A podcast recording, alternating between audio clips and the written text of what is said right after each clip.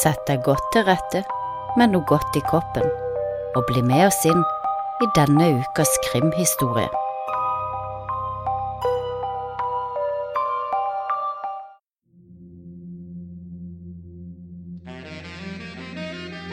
Det sies at Hugh Hefner hadde en veldig bestemt type jenter som han ønska i bladet sitt å omringe seg med.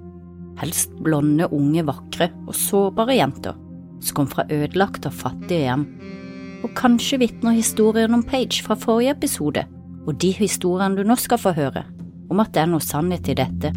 Det som virka så idyllisk fra utsida, med kjendiser og uendelige muligheter, ble for veldig mange Playboy-jenter alt annet enn idyllisk, og de ble dratt inn i en mørk verden og ble vanskelig å komme seg ut av.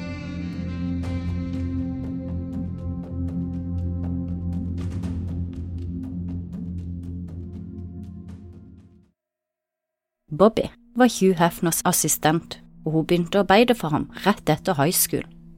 Hun vokste opp i Chicago og var svært knytta til sin tvillingbror, så sterkt at da hun fikk muligheten til å hoppe over syvende klasse fordi hun var så god på skolen, så takka hun nei da hun ikke ville etterlate tvillingbroren på trinnet under. Bobby hadde data Hefner en kort stund, men forholdet gikk fort over til et dypere vennskap, og romantikken forsvant. Men hun ble Hefners assistent og høyre hånd. Hun visste det meste om hva som foregikk på Playboy Mansion, og hun hadde en dyp respekt for Hugh Hefner. Tidlig på 70-tallet forelsker Bobby seg i Ron Schæfer, en syv år eldre narkolanger. Det ender til slutt med at Bobby blir arrestert utenfor Playboy Mansion i Chicago, sikta for å ha deltatt i smugling av et halvt kilo kokain sammen med kjæresten Ron og noen andre menn. Saken fikk stor oppmerksomhet, og siden Bobby var Hefner sin sekretær, ble Playboy dratt med i søla. Bobby endte til slutt opp med å få en dom på 15 års fengsel, som var fem år mer enn mennene som ble dømt i samme sak. Årsaken sies å ha vært at politiet ønska å bruke Bobby for å få tatt Hefner for narkotikavirksomhet, men Bobby hadde nekta å samarbeide med politiet. Hun tørte heller ikke å si noe for å forsvare seg sjøl, av frykt for å si noe som kunne komme til å skade Hefner.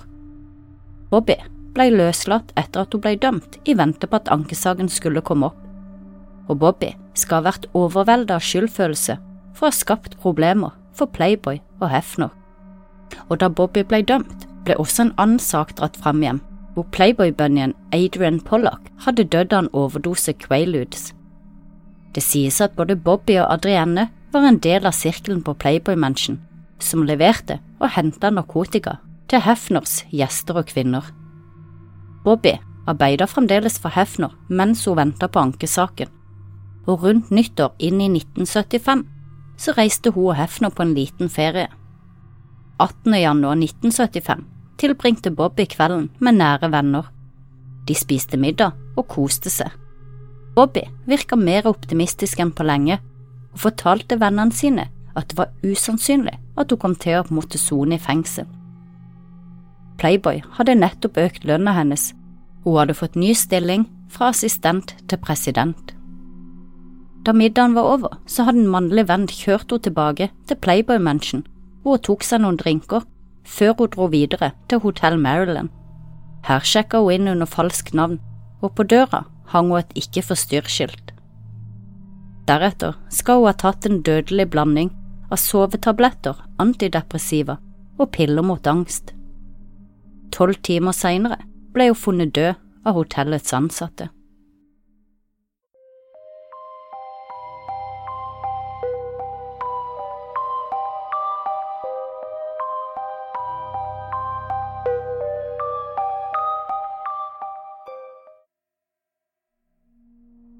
Men Bobby og Page er ikke de eneste Playboy-kvinnene som har tatt livet sitt. Adrienne Claudette Pollock ble født i Niles, Illinois 16. august 1950. Foreldrene hadde immigrert fra Polen. Hun fikk kallenavnet Eddie og vokste opp til å bli en ung, vakker pike. Og Tidlig på 70-tallet så jobba hun på et Evil Canival motorsykkelshow, da hun ble oppsøkt av en rekrutteringsagent fra Playboy og kort tid etter hadde Eddie fått jobb på Playboy-klubben i Chicago. De som arbeidet på klubben, bodde i en egen mansion med 74 rom, og her flytta også Eddie inn. Og ganske tidlig skal Eddie ha blitt dratt inn i narkotikavirksomheten som foregikk på Playboy Mansion. Hun skal ha sørga for å levere narkotika til fester for Hefner og vennene hans. Hun skal ha forsynt det med alt fra kokain til marihuana, LSD og Quaaludes. Eddies søster hevder også at Eddie var dypt involvert, og at Eddie foretok mange reiser mellom Las Vegas, Jamaica og Florida, som de mener var for å smugle narkotika. Eddie hadde heller ikke bodd så lenge i bofellesskapet før hun flytta ut og inn med sin nye kjæreste, bare noen kvartal unna. Eddie skal ifølge ei venninne ha flytta fordi hun var lei av at de andre Playboy-bunnyene stjal eiendelene hennes. Kjæresten til Eddie var heroinavhengig. 6. september 1973, snaue tre uker etter at hun fylte 23 år, så ble Eddie funnet død i leiligheten sin av kjæresten Jerry Pingior. Dagen før Eddie dør, så hevdes det at hun hadde et møte med Bobby Arnstein, kvinnen du hørte om i forrige historie, og to andre menn. Deretter skal de ha festa hardt hele natta, og dette skal igjen ha ført til at Eddie døde av en overdose Quaaludes ved et uhell. Året etter at Eddie døde, ble de mennene som hun møtte den kvelden, beskyldt og senere frifunnet for distribusjon av kokain. Likevel var det nok til å vekke en mistanke hos mange om Eddie sitt dødsfall virkelig var en overdose ved et uhell. Det svirrer også rykter om at Eddie ønsker å steppe ut av rollen som narkotikasmugler for Hefner og vennene hans, men at det virker å være vanskelig for henne å slippe ut av det. Hefner har på sin side hevda at han aldri har møtt Eddie, når han har blitt konfrontert med beskyldninger om narkotikavirksomhet på Playboy Mansion.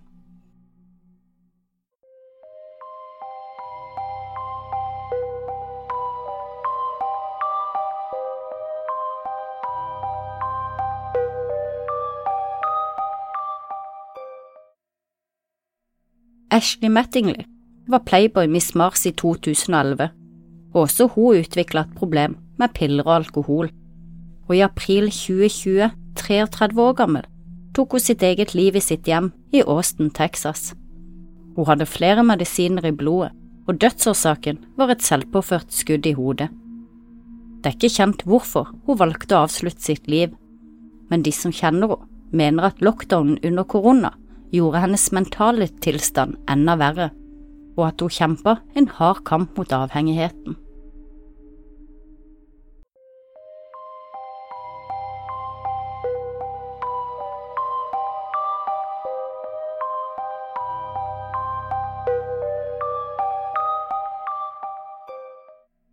En annen skjebne er Cassandra Lynn Hensley. Hun ble født 15. august 1979 og i februar 2006 var hun Playboy Miss Februar. Hun ble plukka ut etter å ha sendt inn bilder av seg sjøl for andre gang. Hun gifta seg senere med Gary Hensley, og de fikk to barn i sammen. Og selv om hun ble beskrevet som ei god mor, så slet hun også med store rusproblemer. Og i januar 2014 blir 34 år gamle Cassandra Lynn funnet død i et badekar i en venns leilighet i LA, California. Det kom fram at hun i timene før sin død hadde hevet innpå med kokain og alkohol. Dødsårsaken ble satt til en overdose. Ektemannen Gary var knust over konas bortgang, og sorgen ble muligens enda større da han lærte at kona hadde vært med en annen mann natta før hun døde.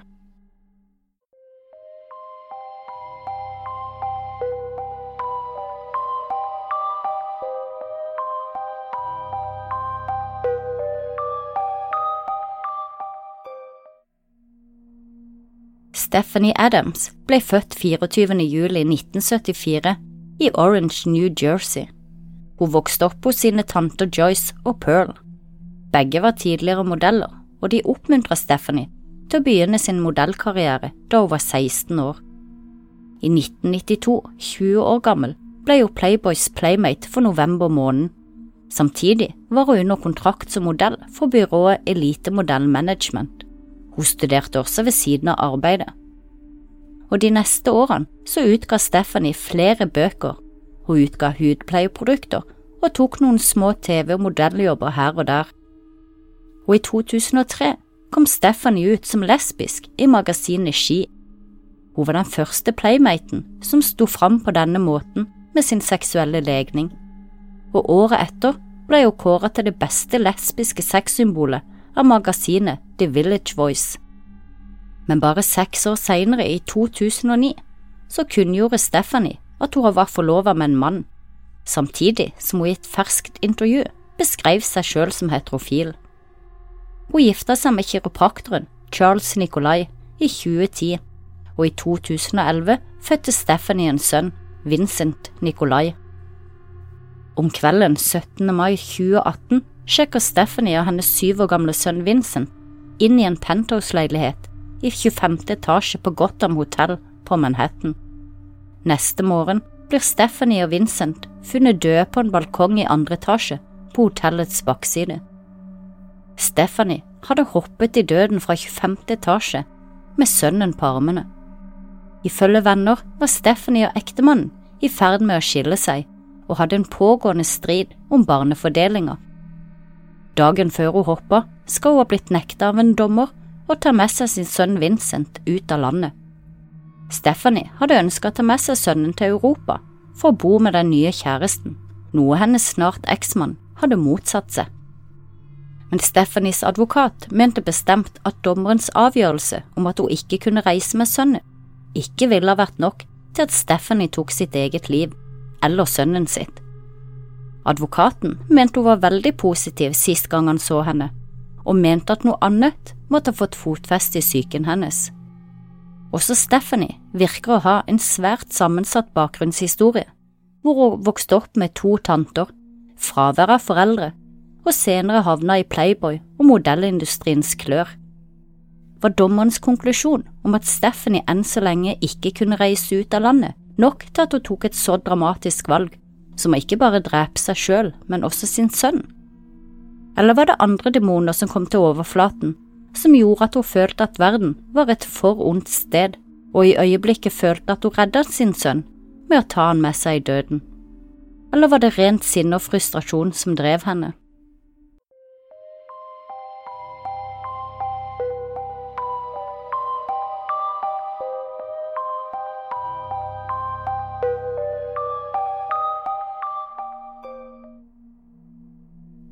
De to kanskje mest kjente Playboy-dødsfallene og modellene er Anna Nicole Smith og Marilyn Monroe. Begge dødsfallene er klassifisert som overdoseulykker, men teoriene har florert siden dagen de døde om at det var både selvmord og drap. Marilyn Monroe ble født Norma Jean Mortenson 1. juni 1926. Marilyn var den første kvinna som var avbilda i Playboy i deres aller første magasin. Bildene hadde Hefner kjøpt og publisert uten å forhøre seg med Marilyn, og både bladet og Marilyn ble en umiddelbar suksess. Hun var kanskje den aller første kvinna som ble kjent for å være et blondt bombenedslag, og et av 50- og 60-tallets største sexsymbol, noe hun ble både kritisert og belønna for, og hun er ennå kjent for å være en av de vakreste kvinnene i vår historie. Men Marilyn kom fra en trøblete bakgrunn Mesteparten av barndommen var hun i et fosterhjem og på barnehjem, og hun var bare 16 år da hun gifta seg. Hun jobba på en fabrikk da hun møtte en fotograf, og ganske snart ble hun en populær pinup-modell, som igjen førte til at hun fikk flere småroller i filmer og ble etter hvert en populær skuespillerinne. Men hun ble tidlig avhengig av alkohol og piller. 5. august 1962 blir Marilyn funnet død på soverommet sitt i Brentwood-hjemmet. Hun ble funnet naken, liggende med ansiktet ned på senga. Venstrehanda lå strekt mot telefonen som sto på nattbordet, og det lå flere tomme tablettbokser på rommet hennes, men det var ingen glass med vann eller annen drikke. Noen mener at Marilyn døde av en overdose ved et uhell, mens andre, inkludert politisjef Jack Clemens, tror at hun ble drept. Det er fremdeles et mysterium og mange teorier om hvorfor hun døde, alt fra et forhold med presidenten til at hun hadde informasjon om de mektigste i Hollywood. Også Hefner skal ha hatt en unormal beundring for Marilyn, så sterk at han faktisk kjøpte gravplassen rett ved siden av Marilyn, hvor de i dag ligger gravlagt side om side. Dette var noe Hefner arrangerte på egen hånd, og uten å diskutere det med Marilyn.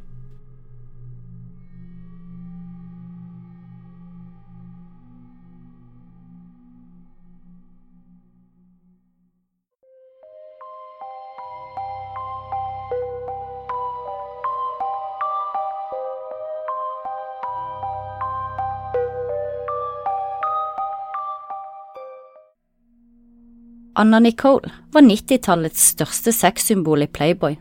Hun var månens playmate i 1992 og årets playmate i 1993.